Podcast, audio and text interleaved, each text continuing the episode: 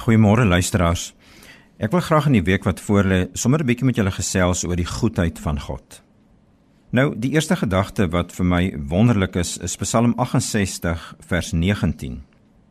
By van die vertalings sal julle hom kry by vers 20. Kom ek lees hom in die 1983 vertaling. Daar staan: Geloof sy die Here. Dag na dag dra hy ons. God is ons hulp. Is dit nie mooi nie? Dag na dag dra hy ons want hy is ons hulp. Nou die waarheid is mos dat hy in Christus na ons toe gekom het en homself aan ons verbind het. En dat meer as dat hy ons dra, sê die Nuwe Testament, is hy nou in ons en ek is in hom. So hy dra ons.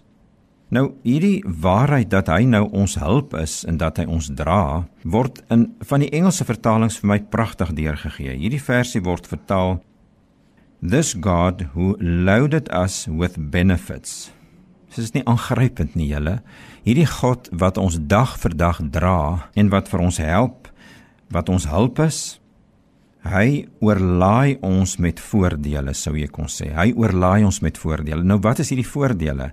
Die beste verduideliking daarvan vir my staan in Efesiërs 1 vers 3, waar daar mos nou staan In Christus het hy ons geseën met al die seënings van die Gees wat daar in die hemel is. So elke stukkie toerusting wat jy nodig het, kom ons sê om nie te sondig nie. Elke stukkie toerusting wat jy nodig het om 'n goeie lewe te lei, om te doen wat God wil hê jy moet doen. Hy het dit alles in Christus in ons kom sit en vir ons die potensiaal en die moontlikheid gegee En nou wil hy vir ons sê, jy kan nou ophou om dit te probeer doen in jou eie krag en jy kan ophou om te probeer voorgee dat dit waar is in jou lewe. Ek het jou kom oorlaai, kom oorrompel met my teenwoordigheid en wat ek wil doen is ek wil die lewe van Christus deur jou laat manifesteer. En die lewe van Christus is niks anders as 'n lewe waarin daar al hoe minder ons moet eintlik vir mekaar gesê het geen sonde meer is nie.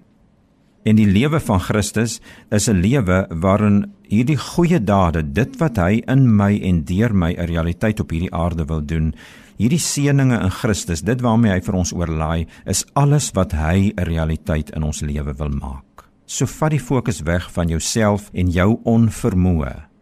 Vra vir die Here deur sy Gees om vir jou te help om jou fokus te sit op God en sy alvermoë.